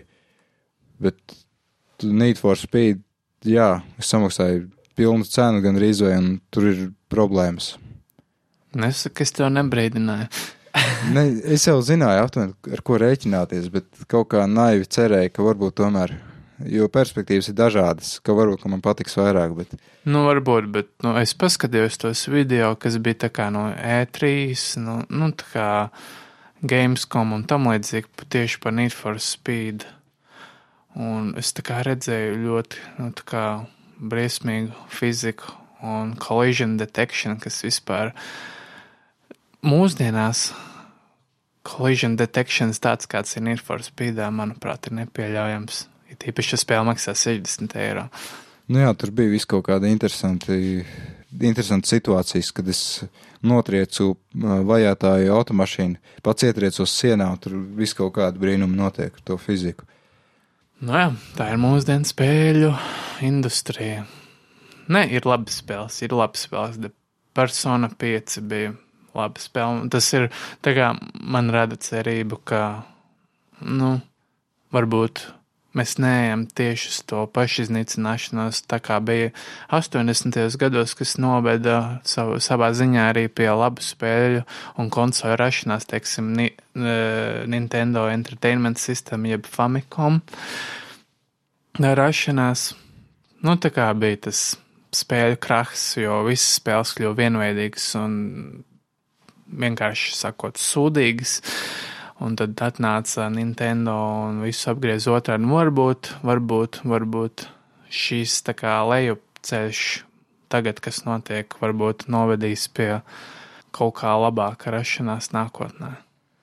Nu, tā jau it kā spēles pašas pēc sevi ir labākas nekā jebkad agrāk, salīdzinot ar to, kas bija 80. un 90. gados. Bet vienveidība, vienveidība. Tagad mums ir 150 zombiju šūteri, 150 multiplayer šūteri, 150 uh, uh, mašīnu braukšanas spēles, 150 RPG. Un, un, un, un, un starp tam 150 spēlēm var, var būt 20 spēles katrā no tām žanriem. Uh, ir kaut kādā veidā citādākas kā iepriekšējās, jo par paskatoties um, uh, Android spēļu, nu, aplikāciju veikalā, es redzu tik daudz rip-offs no citām spēlēm, no Minecraft, kaut kādi šūteri, kaut kādi krafteri, visi vizuāli un tehniski tieši tādi paši kā Minecraft. Teiksim, vistrakākais, ko es redzēju, bija kaut kāds player unknown, uh, kaut kāds klons uz Android, man tas likās vienkārši šausmīgi. Un, un, un šie, tas izmanto trīsgadnieku smadzenes, lai pārdot šīs spēles un produktus. Un, un, un, un cilvēki, kuri tiešām grib kaut ko kvalitatīvu dabūt, viņi neredz tirgu vispār neko vērtu pirkt. Nu, cerība it kā ir uz neatkarīgajiem izstrādātājiem. Ir tik daudz kaut kādas indijas spēles, kuras vienkārši kam es nepievēršu uzmanību, jo esmu pārāk aizņemts ar visiem tiem AAA lielajiem uh, produktiem. Gangsta. Jā. Jā, bling, bling, bling. Tas, tas kas mūsdienās visus interesē. Bling, spīdīgas lietiņas. Tāpat man arī patīk atvērt lootbox. Kuram nepatīk atvērt lootbox? Bet man nepatīk atvērt lootbox pa eiro 82 gabalā. Nu, runājot par uh, bling bling un naudas pelnīšanu, tad mēs uh, nonākam pie tāda diskusija temata, par ko es jau sen esmu gribējis runāt. Un tie ir um, video spēļu mēdīja Latvijā un iekavās pieredzi un Igaunijā, jo salīdzinājumam, kāda ir situācija Latvijā un Igaunijā. Tev laikam būs jāpastāsta par Igauniju, jo es nesaprotu somu grolons. nu jā, katrā ziņā ir tā, ka Man šķiet, ka Latvijā ir varbūt divas lapas tikai, kur kaut kas vispār tiek rakstīts. Ir, ir straika, kurus kaut kā mēģina turēt pie dzīvības, man liekas, kaut kādiem rakstiem. Un tad ir uh, konsoles LV. Ir tā, ka praktiski nekā Latvijā nav. Varbūt kaut kas ir krievalodīgajā pasaulē, bet par to es neņemšos runāt. Tad drīzāk uh, video spēļu mēdīja latviešu valodā būtu tas, par ko vajadzētu runāt. Bet es saprotu, kāpēc cilvēki neko negrib darīt, jo naudas šajā visā uh, lietā nav nekādas. Pateikšu godīgi, es jau deviņus gadus esmu daudz maz aktīvi rakstījis vis kaut kādās latviešu lapās, un uh, nav bijis neviens darba piedāvājums tur uh, tam līdzīgi. Bet, jā, tas ir ļoti nepateicīgs darbs, uh, kā jau paši varat noprast uh, pēc uh, aktivitātes, kāda ir redzama lapā, cik daudz komentāru, jeb cik maz to ir uh, rakstiem un tam līdzīgi skatījumu. Es saprotu, kāpēc cilvēki to negrib nodarboties. Tā ir sociālā stigma pret spēlēm, manuprāt, jo nopietni mēdīji ar to negrib ņemties, jo datorspēles, video spēles ir, manuprāt, reizēm liekas kā visa ļaunuma sākums. Tā kā cilvēki iet šaudīties baznīcās un triek cilvēkus mums tāpēc, ka GTA, un tāpēc šis uzskats eksistē, un tāpēc neviens ar to it īpaši tādā uh, stigmatu zemē kā Latvija negrib ar to nodarboties. Nu, Tas ir, manuprāt, tas ir mans viedoklis, kurš varētu sasaukties savā ziņā ar realitāti. Tas ir mēdījos vienīgie raksts, ko esmu redzējis kaut kādos TV-netos tam līdzīgi par video spēlēm, parasti kaut kādu pētījumu, vai tur tiešām video spēles padara cilvēku slimu vai kaut kas tam līdzīgs. Ļoti skumji vispār par Strike LV. Es nezinu, sākumā tur bija ambīcijas, bija viss, un uh, tas viss kaut kā noplaka.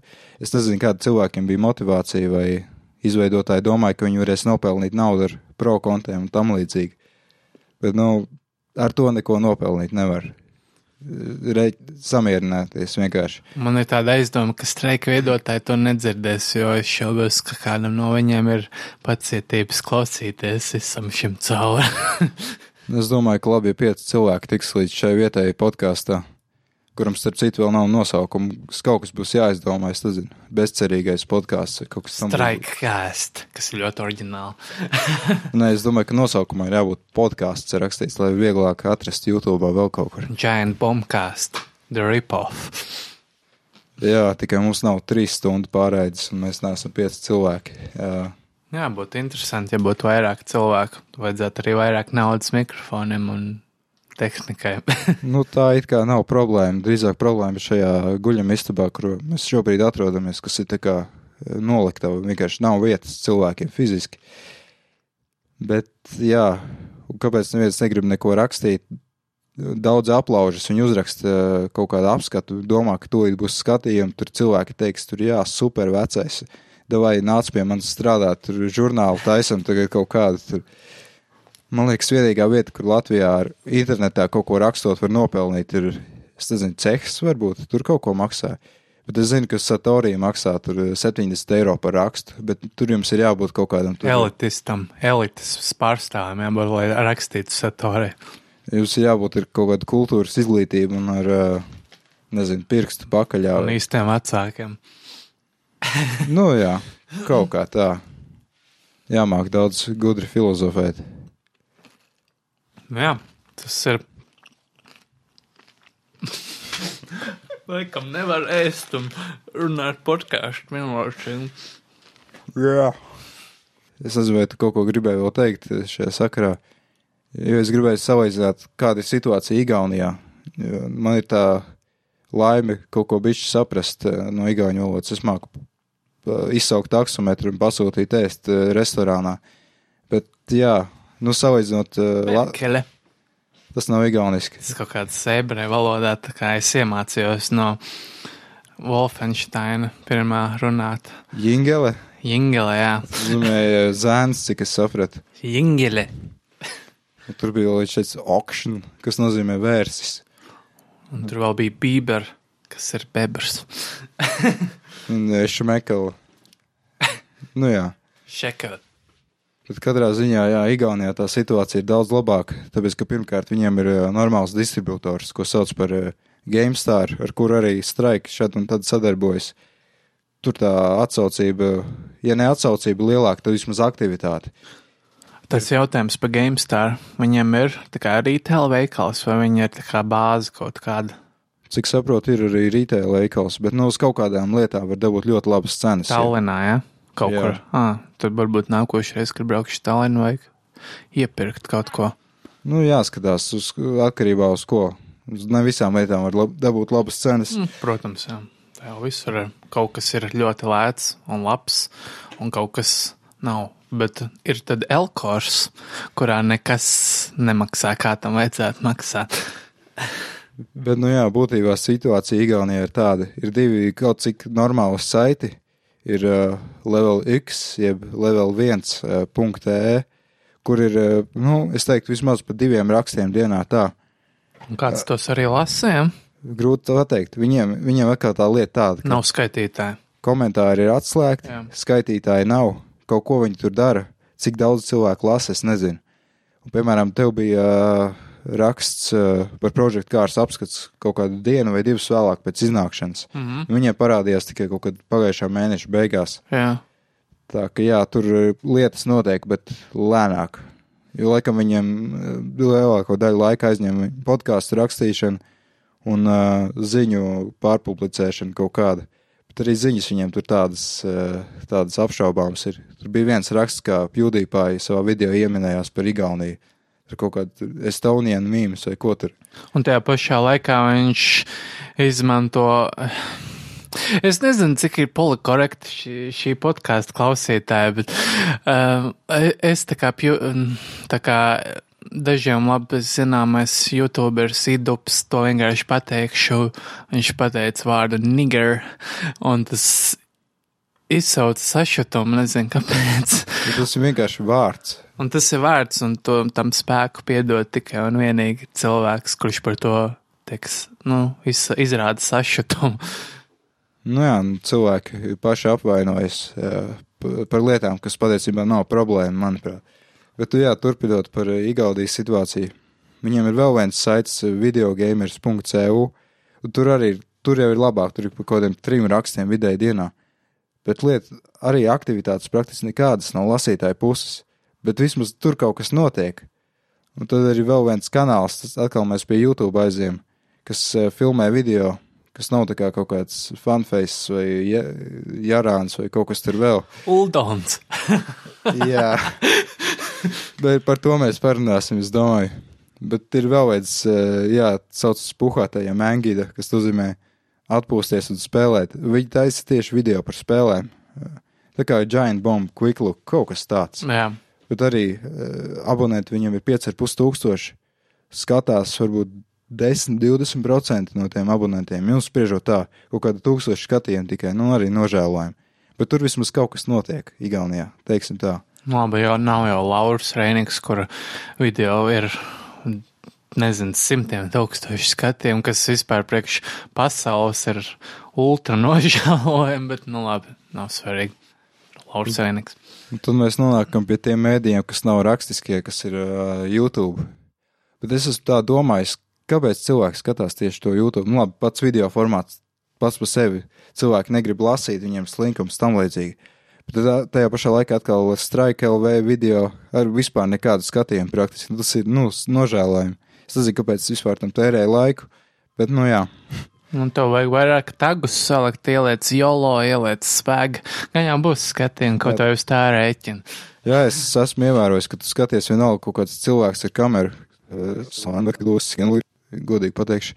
Un Viņam tur eh, sānā rāda visus tos latviešu youtuberus. Tur kaut kā viņi māk tos tēgus likt pareizi.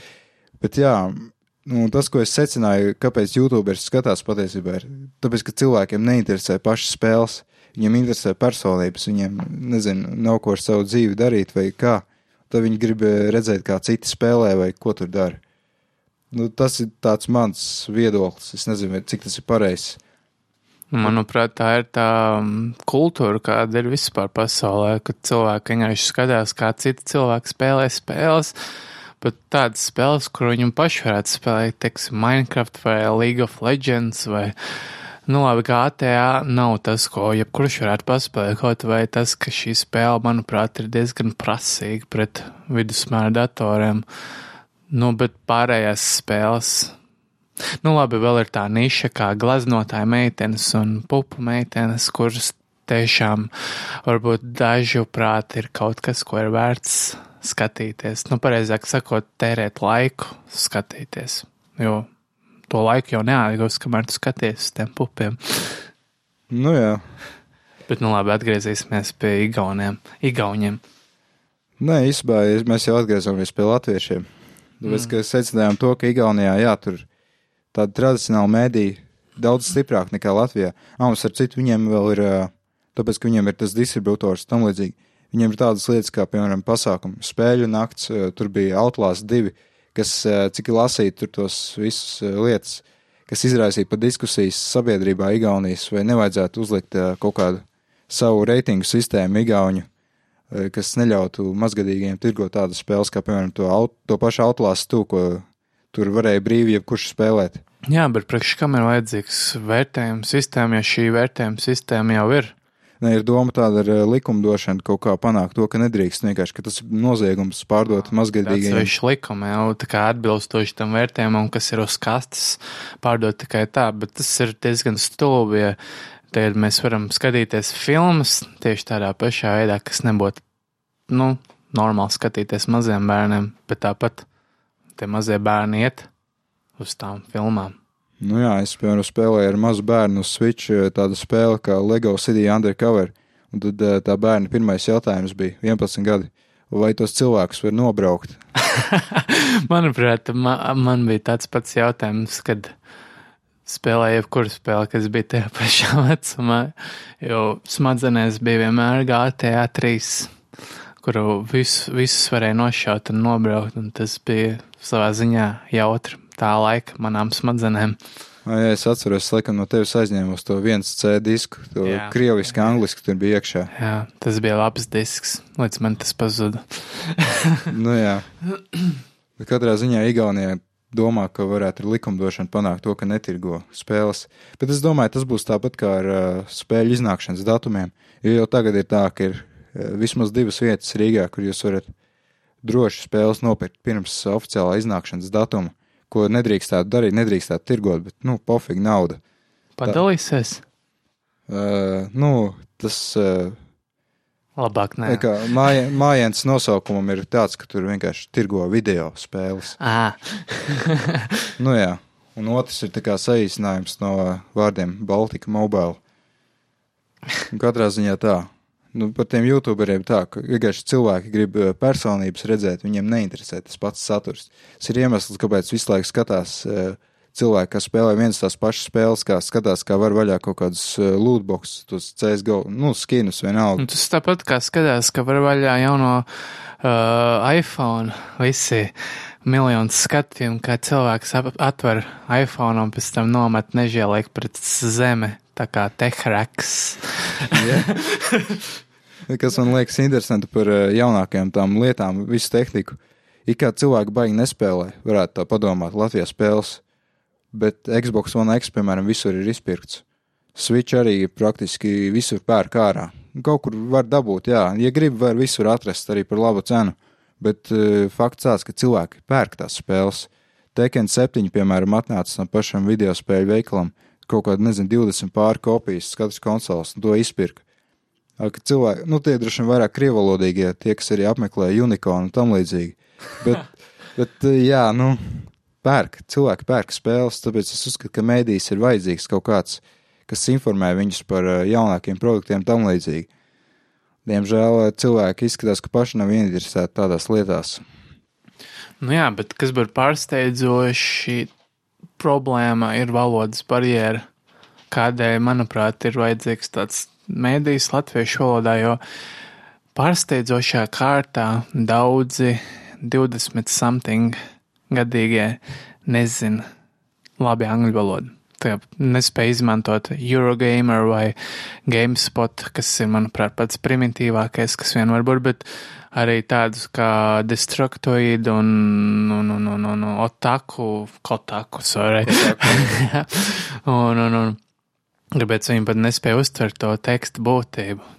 Bet ir cilvēki, kas saprot, bet tāda nav tik daudz, cik varētu likties un tas ir pārsteidzoši. Un es ar to saskaros ikdienā, ka cilvēki neprot angļu valodu. Un tāpēc tas būtu, manuprāt, galvenais iemesls, kādēļ tādiem outletiem kā Strike LV vai nedodies kāds izveidos kaut ko citu, būtu jāeksistē latviešu valodā. Un par to citu veidošanu saitu. Man liekas, tā ir bijusi problēma no sākta gala. Ka visi grib taisīt savu, viņi domā, ka viņi tur ir reklāmā pelnījis naudu un tam līdzīgi. Tā vietā cilvēki varētu apvienoties un vienā portālā publicēt visu. Nebūtu lasītājiem jāskatās tur eh, vairākas reizes dienā, kas kurā jaunā port citā portālā parādās, ja viss būtu vienā vietā. Nu, savā ziņā tā, tam iemeslam var izmantot Twitter vai arī tos feedus. Man liekas, ka RSS vairs neizmanto neviens.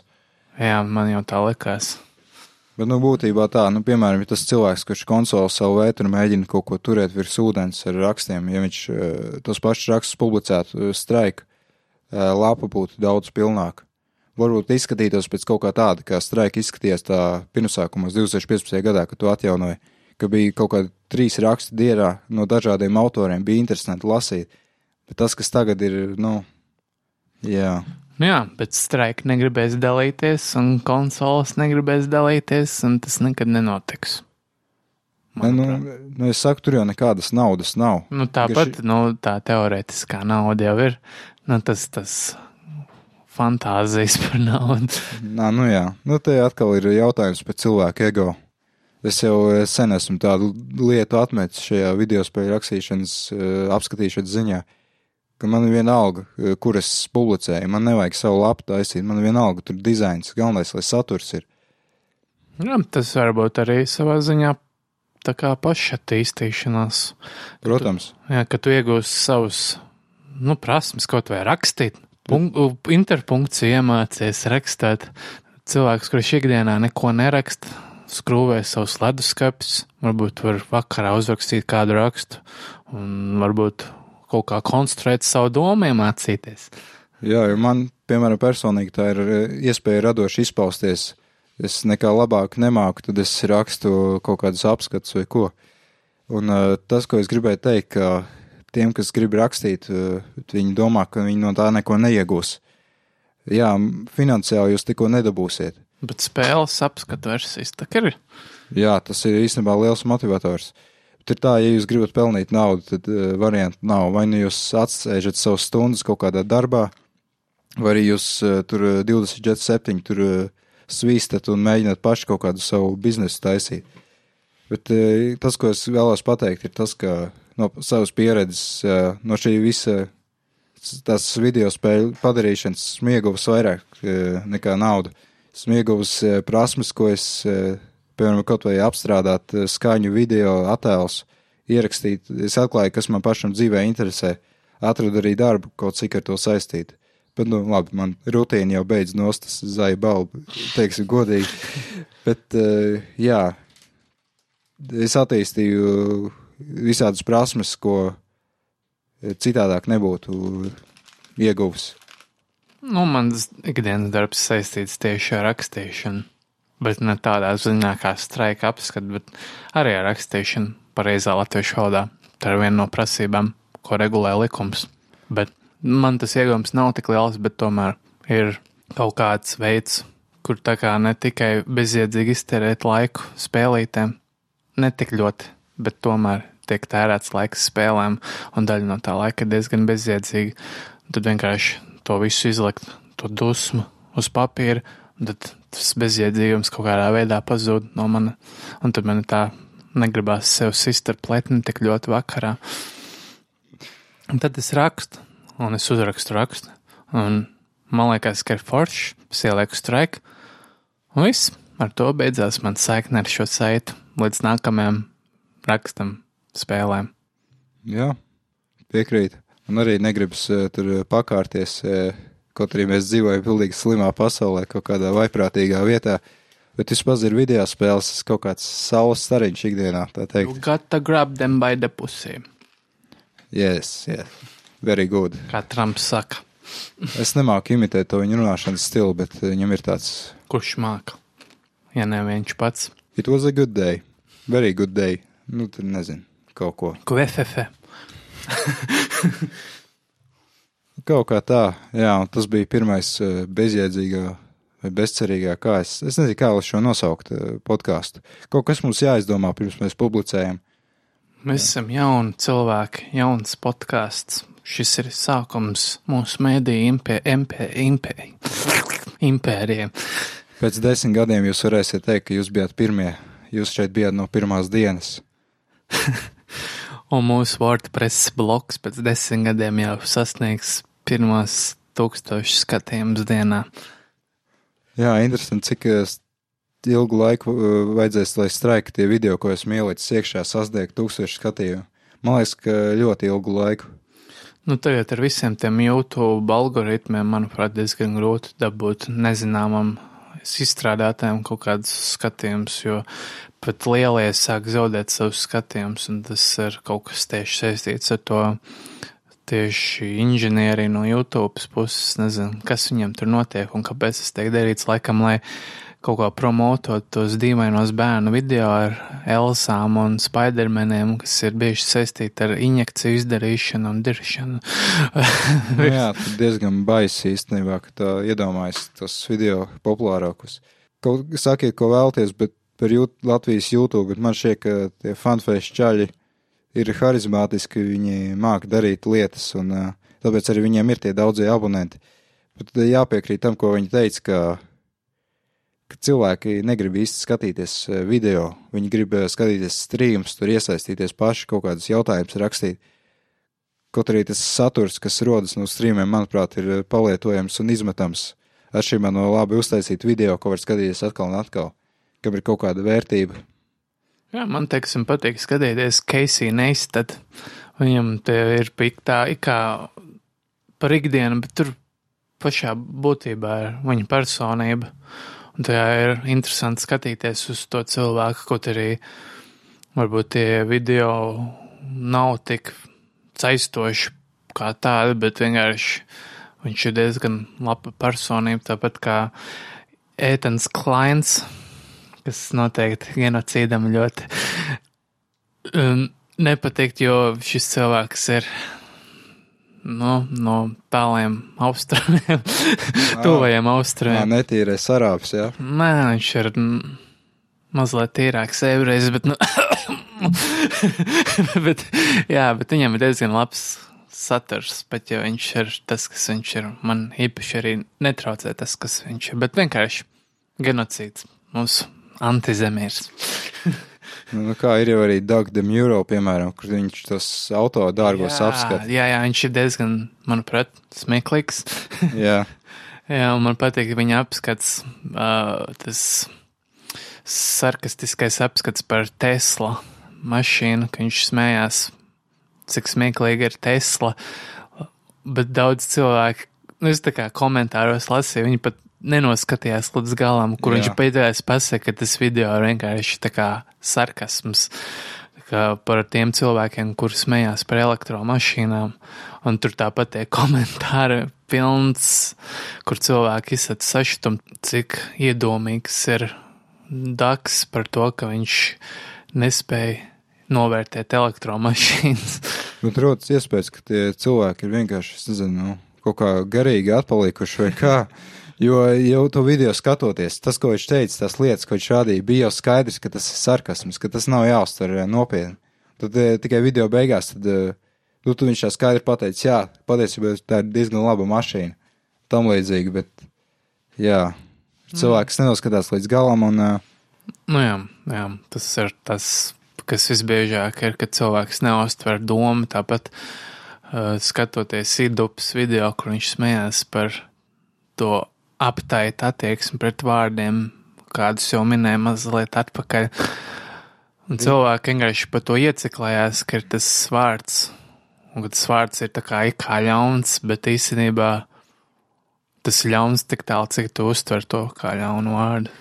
Bet īstenībā runājot vēl ātri par Dagdu Muro, viņš jau visam arī ir rakstnieks. Viņš savā autotreidera kolonnā, uh, slēgā, viņš uh, visu laiku kaut ko raksta, bet tie video ir kā papildinājums tam, uh, Bet nu, video ir jātaisa, tāpēc, ka tas ir tas, ko cilvēki grib eh, skatīties. Viņiem neinteresē lasīt, viņi grib eh, redzēt, viņi grib redzēt viņu seju, tur vēl kaut ko grimasas, tur vēl tam līdzīgi.